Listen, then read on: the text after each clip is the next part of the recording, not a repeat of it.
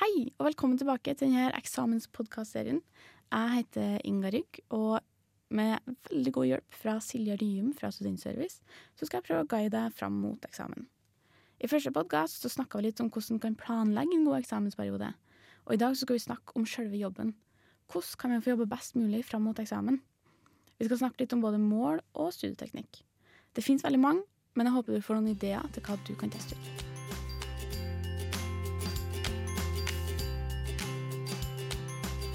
Skal vi snakke litt om konkret hva man skal gjøre, da? Når man først har klart å innstille seg på at det er eksamenstid, og man har lagt opp en god plan og lagt inn litt pauser, og så skal man sette seg ned og begynne. Hvor starter man hen? Ja, ikke sant. Nå har man, nå har man innsett at det er eksamenstid.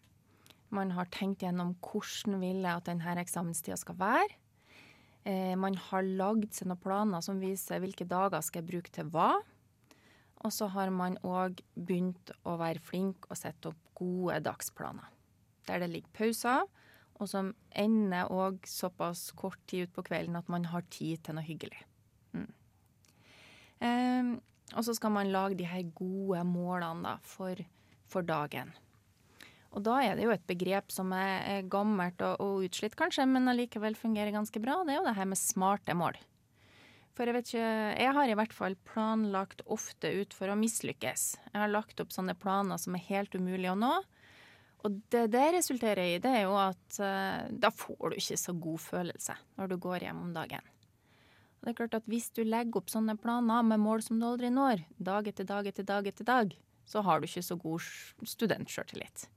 Men hvis du gjør omvendt, da, at du legger opp sånne mål som faktisk er mulig å nå, så kan du jo risikere å oppnå det motsatte. At du faktisk mestrer det her, og at du får en tro på at det her skal gå bra. Og det er vel den vi er ute etter nå i denne tida. Ja, det er ikke så dumt. Nå snakker vi om smarte mål, og de her dagsmålene, når de er smarte, så er de S, sant, da er de spesifikke. Man vet hva man skal gjøre. Det kan, altså X-Fill som eksempel, da vet du at du skal da vet du at det ikke er et smart mål å skrive at du skal lære deg Jean-Paul Sartre. For hva er nå det? Sant? Det forskes jo på. Det skrives doktorgrader og postdokker, og det forskes og forskes. Men et smart mål er jo altså OK, jeg skal lære meg om hva Sartre sier om den frie viljen i X-Fill-pensumet mitt. Eh, det skal være målbart. Du skal kunne vite etterpå i økta om at har jeg gjort det her, eller har jeg ikke gjort det. Ehm, vi snakker om at det skal være agreed, altså at du skal skjønne hvorfor du gjør det her. At det er viktig for deg, at det er en del av opplegget. Ikke bare at du sitter og gjør noe for at alle andre gjør det. Eh, og så skal det være relevant, og så skal det være tidsbestemt, sånn at du vet at det er mandag ettermiddag jeg skal ta fatt i det her mellom fire og fem. Da, hvis du har de her smarte målene som dagsplanmål, så, så skal det både hjelpe til, til, også, til, å komme i gang, til å få ting unna, til å vise deg sjøl at du får gjort noen ting. Ja. Men hva gjør man hvis man ikke helt veit hva som er realistisk? Det er kanskje en ganske vanlig, i hvert fall for førsteårsstudenter, da. Når man ikke har studert før, og så veit man ikke helt hvor stort et fag på ja, 7,5 studiepoeng. Hvor mye er egentlig det? Ja, ikke sant. Det der er veldig, veldig vanlig. Eh, å avklare hva er både forventa og hva er realistisk. Og det er klart at her er det ikke noe annet i bunn og grunn å gjøre enn å faktisk tillate seg både å prøve litt og feile litt. Vi er jo ikke så glad i å feile, men eh, det er jo en del av gamet her at vi, at vi tillater oss det. Men ikke sant, hvis at du sjekker ut alt du kan i forkant om eh, forventninger, det sier læringsmålene noe om, det sier forelesningene noe om, det sier gamle eksamensoppgaver noe om. Det sier noe om at OK, det forventes at du skal kunne sånn og sånn. Eh, og så er det tilbake til deg. hva er realistisk for meg da? Eh, man kan jo ikke gjøre noe mer enn sitt beste. Eh, men legger man opp en f.eks. åtte-ni timers dag, eh, og så inkluderer det litt sånn buffertid, så kan man i hvert fall se i løpet av den første uka da, hvor mye er det realistisk for meg å legge opp som mål. For da ser du hvor mye som blir igjen etterpå. Så det med, med buffertid for å bli à jour, det, det, er ganske smart å gjøre. Da slipper man å bli så innmari stressa hvis man ikke kommer over alt man skal hver dag. Men heller egentlig justere litt ned enn å justere opp planlegge, så må man planlegge for en, en god venn. Man vil gjerne at venner skal lykkes, og man legger opp etter det, men så har man så store forventninger til seg sjøl at da setter man opp uh, mer enn man kommer over. Men det er også å sette opp uh, realistiske planer, som at du kommer gjennom dem, kan stryke ut. Sant? Det er jo det beste i verden å stryke ut ting når man har gjort noen ting. Og oppleve det der daglig, så, så får du det her mentale klappet på skuldra av deg sjøl om at ja ja, jeg er ikke så verst student likevel.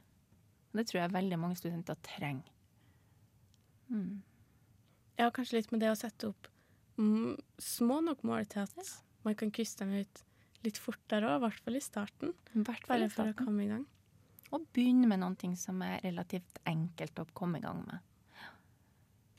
Ja, det er jo et sånt tips med at man kan sette seg ned med stoffet i ti minutter. Mm. Og så hvis man ikke har kommet inn i det da, så kan man ta en liten pause. Mm. Men at man bare skal sitte i ti minutter. For etter ti minutter så har man jo ofte begynt å komme litt i gang, og nok til at man klarer å sitte litt videre òg. Ja, det er et veldig godt tips. Og ti minutter er noe som vi tenker på som overkommelig. Mm. Jeg er klar i ti minutter. Mm. Og så gir du deg sjøl en sjanse i løpet av de ti minuttene, og så kommer du litt på vei. Mm. Og da er det så mye lettere å komme i gang etter den pausen òg. Ja, sant. I stedet for å tenke at man skal sitte Nå skal jeg på lesesalen, og jeg må sitte der i åtte timer for jeg får lov til å gå hjem. Hvem har lyst til det? Ja, det er ikke så mange. Nei. Er det noen andre ting man kan gjøre for å, å planlegge? Eh, for å planlegge Jeg tenker at um, en ting som, som, studenter og folk ellers også, for den saks skyld, opplever, det er jo at uh, ja, motivasjon kan forsvinne. Og i denne sammenhengen så kan det jo være at motivasjon forsvinner, eller at ja, eksamensnervene tar det. Men eh, det man kan være klar over da, det er jo at eh, det veldig sjelden er sånn da at hvis man setter seg ned og venter på at motivasjonen skal komme tilbake, eller at de her eksamensnervene skal forsvinne av seg sjøl, det er veldig sjelden det skjer. Så da handler det om å være bevisst på at OK, jeg må gjøre noen ting. det er uhyre sjelden jeg har hørt om at man, hvis man sitter og venter passivt, at det bare plutselig dukker opp igjen. Og, og, da handler det om å gjøre sånne ting som gjør at du får etter hvert litt sånn trua på at det her skal gå. Og da er vi jo inne, eller tilbake til det du snakka om da med, med små nok mål. Eh, gjør ting som gjør at du får trua på at du får det her til. Gjør ting som gir deg trua på at du, du ikke skal være så redd. Sant?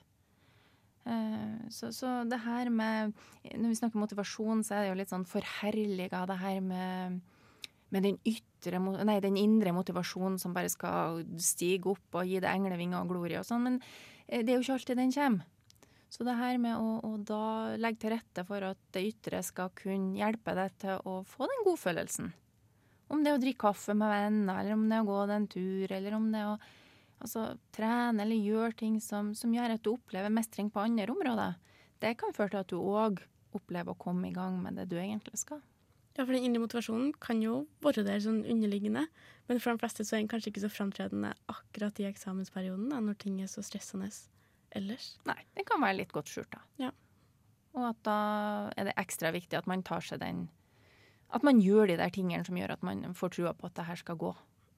De små stegene, ikke sant. Det her med å, å gjøre noen ting for å styrke mestringsopplevelsen og unngå det her ubehaget og håpløsheten som man kan ende opp med, å kjenne litt på. Mm.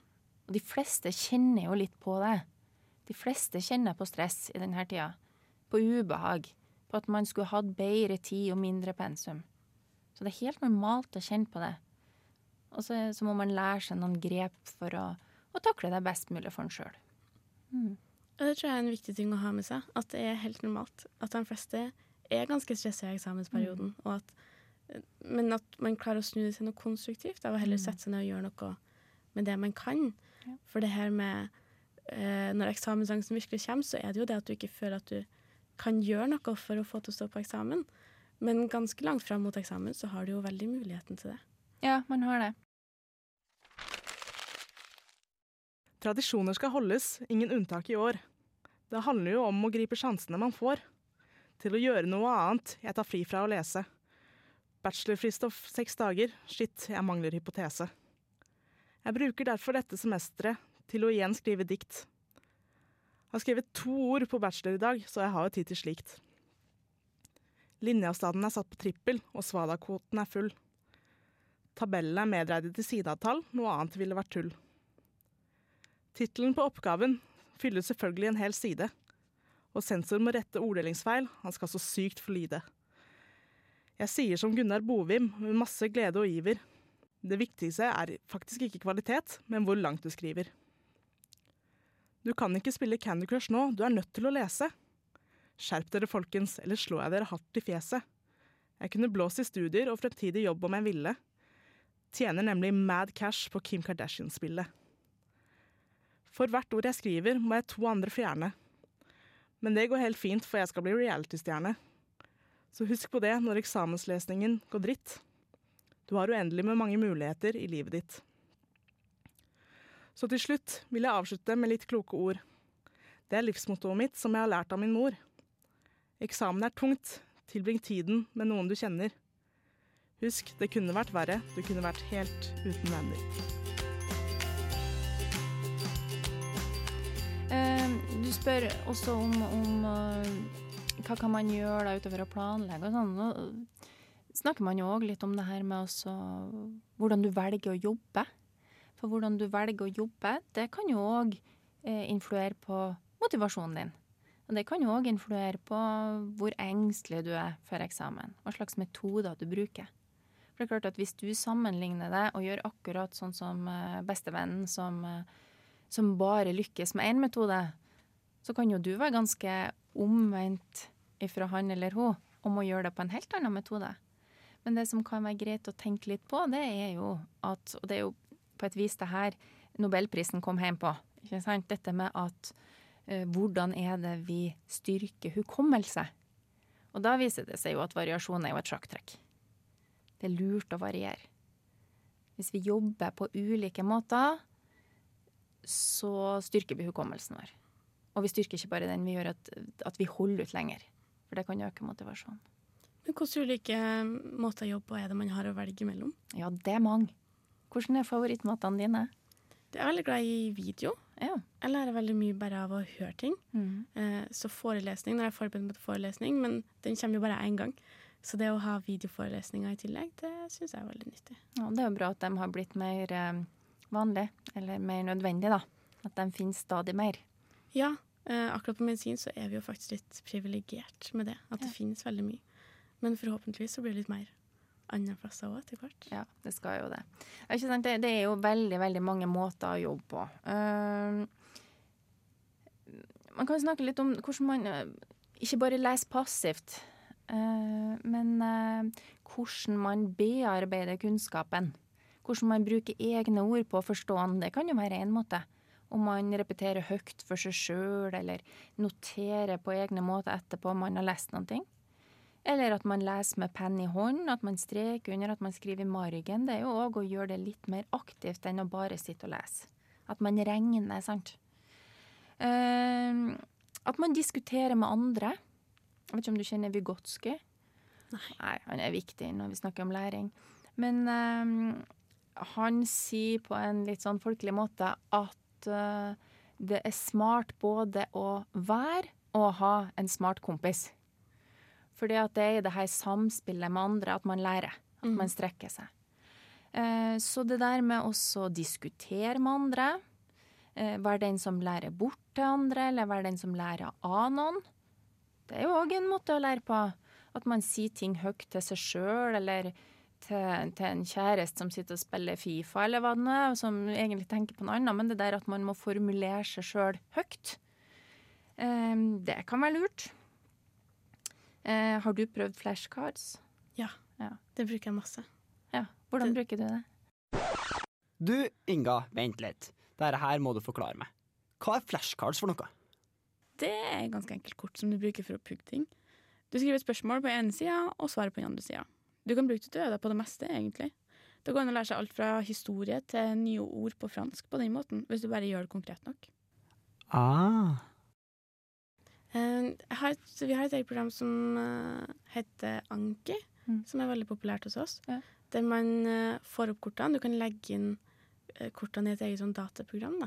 Og så repeteres de eh, i en veldig vitenskapelig korrekt uh, tidsramme. Ja. Jeg tror sånn at De som du syns er lett, de får du igjen om kanskje fire dager. De som er greie, får du igjen om ti minutter.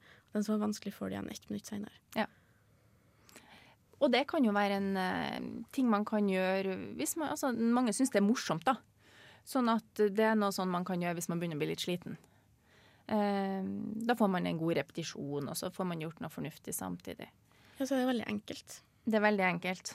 Og så er det jo det som er bra med det, at hvis man lager egne flashcards om ulike temaer, så kan man jo bytte med folk òg. Og en del ligger åpne på nett, og det er masse muligheter der. Ehm, YouTube sant, kan jo brukes smart. Altså, det kan jo være andre ting enn forelesningsvideoer som kan være lure å se på. Um, oppsummeringer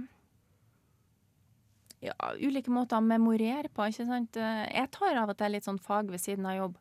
Og da hadde jeg aldri i livet klart meg uten å lage strukturerte tankekart. Mitt hode fungerer på en sånn måte at det må være i firkanter. Det kan ikke være de her viltre tankekartene hvor det Jeg må ha åtte bolker på et stort A3-ark.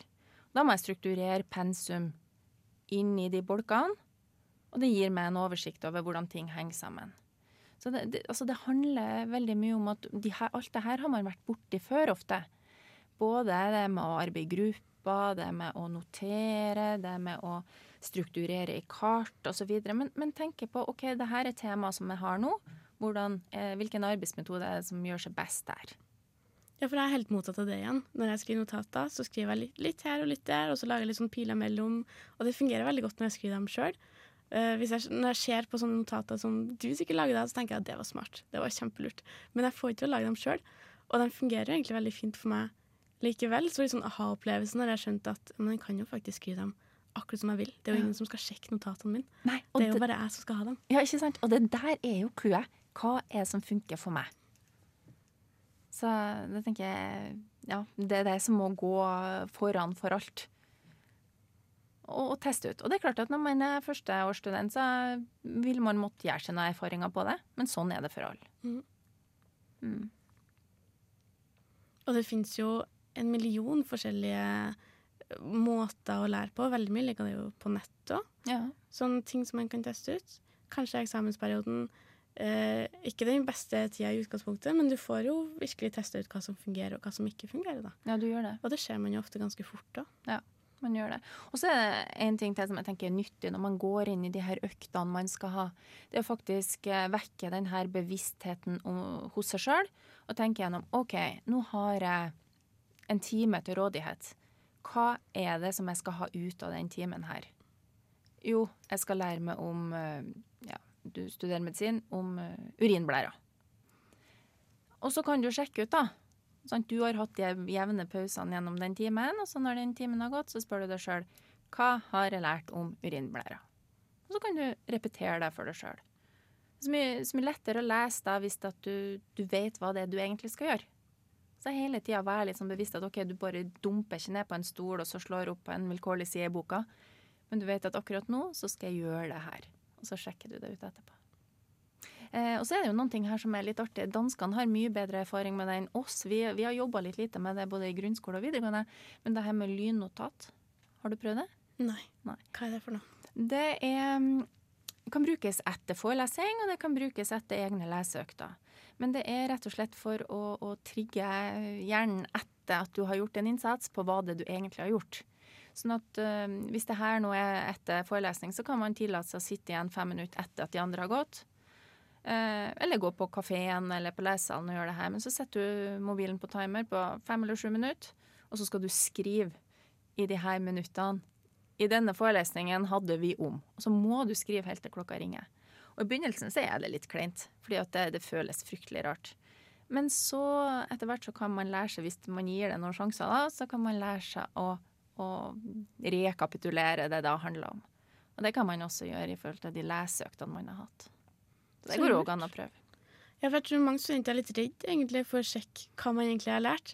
Men for man har ikke lyst til å, eh, å glipp av sjansen til å krysse av at man faktisk har gjort det. For man har jo sittet og lest, sant? Mm. Men hvis man ikke faktisk kan krysse av at man faktisk har lært det, så er det jo ikke noe vits. Og da er det jo bedre å bruke ti minutter ekstra på å gå gjennom det en gang til, og så sitte igjen med følelsen av at man kan det litt bedre, enn at man bare går videre, fordi da har man jo fått gjort det. Ja, og da får du kanskje den her, eh, hva skal vi si, vekkelsen litt tidligere. Som gjør at du da har mulighet for å justere. Sånn at du ser da, hvis du får eh, noen ganger på rad, hvis du bare sitter og leser, så ser du at nei, men jeg fikk ikke med meg noen ting likevel. Kanskje du skal prøve noe annet, da. Da tenker du OK, da må jeg i hvert fall ta ned noen få stikkord på arket mitt, eller jeg må tegne noen ting. Mange som tegner òg. Gjør det veldig visuelt, og det er jo bra for hukommelsen, det òg. Men at du får den der påminninga om at OK, hva er, hva er målet akkurat nå? Er det noen andre ting man uh, bør tenke på? Sånn akkurat med arbeidsmetoder og Ja, jeg kunne tenkt meg også å snakke bitte litt om notater. Fordi at uh, særlig nye studenter, men også eldre som kommer i veiledning og på kurs, er frustrert over at de skriver fryktelig mye. Og at fordi at man har, man har lært seg at uh, man lærer godt ved å notere. Og det gjør man. Altså, det, det beviste at eh, linken mellom håndskrift og hjerne, den er der. Men eh, det er klart at pensumet nå er veldig mye større. Og da er det kanskje lurt å, å stille seg noen spørsmål da, om hva, eh, hva skal notatene gjøre for meg. Igjen- igjen det her med å være bevisst ting en gjør, da. Altså, skal notatene vise de store linjene, de røde trådene? OK, ja, men da gjør jeg det på den måten der. Skal, dem, eh, vise, altså skal det være noe visuelt som viser meg hvordan ting henger i hop? Tankekart, eksempel. Uansett hvordan de ser ut. Skal det knytte teori mot virkeligheten, mot eksempler der? Da må jeg gjøre det på den måten. Sånn at det i hvert fall er bevisst at det er ulike måter å notere på. Eh, nå skal jeg gjøre den tematikken her, da må jeg velge den måten å notere på. Og så, eh, så er det én eh, Og det ligger åpent på nett, men det er noe som heter Cornell-notater, eller Cornell Notes. Har du hørt om det? Nei. Eh, det hjelper det å strukturere notatene dine. For, for mange skriver fryktelig mye. Og så vet man egentlig ikke helt hva man skal gjøre med de her notatene. Og så, så blir det bare et press uten at det egentlig gir så mye annet. Men de her Cornell-notatene de, kan være fine å, å google og sjekke på. For det de er rett og slett et enkelt ark du deler inn i tre. Og det kan være ruteark hvis du regner, eller det kan være blanke ark hvis du skriver. Og da er det tenkt seg sånn at i venstre marg så, så Altså det, det er tredelt ark, og i venstre marg så er- skriver du noen stikkord om hva det her er for ting. Så har du den store bolken på midten hvor du noterer det som er aller viktigst. Det være seg fra forelesning eller fra egenlesing. Og så er det et felt helt i bunnen av arket som du egentlig ikke skal gjøre noe med før dagen etterpå. Da skal du gå inn og se på det arket ditt som du har notert noe på, og så skal du lese gjennom det, og så skal du ut ifra det du har skrevet og forstått, sammenfatte en essens på den siste kolonnen. Og da får du denne repetisjonen igjen. Um, og det er jo noen ting som kanskje jeg kunne tenkt meg at noen hadde snakka med meg om før jeg kom over det i pedagogikkstudiet langt uti. Og det er jo verdien av å kunne repetere. Så for det du, det, det du møter en gang, om du har brukt en hel dag på å lese Kant, og så tror du at du har vært ganske flink, og så kommer du til eksamen, og så husker du ikke så mye av Kant. Eh, Men hadde du gjort litt mer med Kant, så hadde du hatt en mye større mulighet til å huske den etterpå. Ja, det er kanskje noe av det som ryker først i en eksamenssituasjon nå, der du skal komme gjennom så masse pensum, Ja. og så dropper du å repetere fordi du må lære deg nye ting. Og da må man kanskje sette opp litt mot hverandre. At OK, eh, verdien av det, er den større enn å ta noe annet? Men hvordan kan jeg få tid til det? Litt sånn ja takk, begge deler. Cornell-notatene kan hjelpe deg med det. Kanskje. Og så snakka du litt om eh, ruteark og blanke ark. Mm. Og det er kanskje ikke egentlig så veldig stor del, men jeg hadde litt sånn aha-opplevelse når jeg gikk over fra å notere på linjeark, Mm. og så gå over til blanke ark. Fordi da var det mye mer fritt, og veldig mye enklere for meg å strukturere. Mm. Men sånn vil veldig gjerne ha de linjene, fordi det er mer oversiktlig. Ja. Og det er jo derfor det er så vanskelig å kopiere de andre. Mm. Fordi at vi må gjøre det som gir best effekt for oss sjøl. Dessverre. sant? Alle ønsker seg denne gullappen med fasitsvar på. Sånn skal du gjøre det, og vær så god, gå ut og gjør det. Men uh, vi må prøve oss litt fram. Mm. Jeg òg må ha blanke ark. Ja, ja, vi er litt forskjellige. Og det eh, tenker jeg sånn, Det må man bare tenke at det får man til etter hvert. I hvert fall når man er førsteårsstudent, så tenker man at man skal få til det med en gang. At det er litt sånn, ja, som du sier, det er en fasit som alle all har skjønt, bare ikke du. Mm. Men så er det jo sånn at man må prøve litt, for det er en helt ny måte å lære seg ting på. Ting er ikke så, De er ikke lagt opp på samme måte som det man har vært vant til tidligere. Og det er litt utfordrende først, men egentlig en veldig stor frihet. Fordi du får muligheten til å lære deg det på den måten som passer aller best for deg. Ja. Og så tar det litt tid, kanskje, for man skjønner at det er en frihet. Mm. Man føler seg kanskje litt fanga i denne friheten. Og det må det jo være lov å bruke litt tid på. Det er lov. Ja. Og, og ikke sant dette med da at man Hvis man tør å snakke med andre om det, om det er medstudenter, eller om det er en eh, veileder på fakultet eller institutt eller programmet, eller om det er studentservice, eller om det er SITS, eller om det er studentprestene, eller hvem det nå er. sant? Studentene i Trondheim har egentlig et arsenal av folk som kan bistå i det her. Eh, Så det gjelder egentlig også å ta litt det glansbildet man går rundt med og late som at alt er så innmari greit, fordi at man tror at det bare er en sjøl som ikke får det til. Så hvis man kunne ha delt litt mer og snakka med hverandre, så tror jeg kanskje at de flere kunne ha senka skuldrene litt.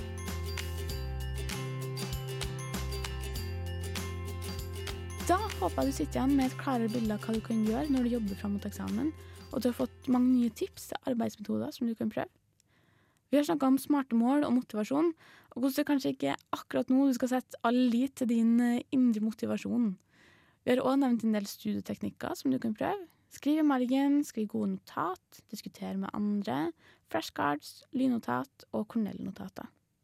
Men det aller viktigste du bør få med deg fra denne podkasten det er verdien av repetisjon. Husk å sette av tid til det. Og ikke være redd for å feile litt når du skal prøve å lete fram til den studieteknikken som passer best for deg. Du får det til til slutt. I neste og siste podkast i denne serien her, så skal vi snakke litt om personlige forberedelser. Hvordan tar du vare på deg sjøl? Hvordan skal du forberede deg mentalt fram til eksamen? Og ikke minst sjølve eksamenssituasjonen. Vi høres!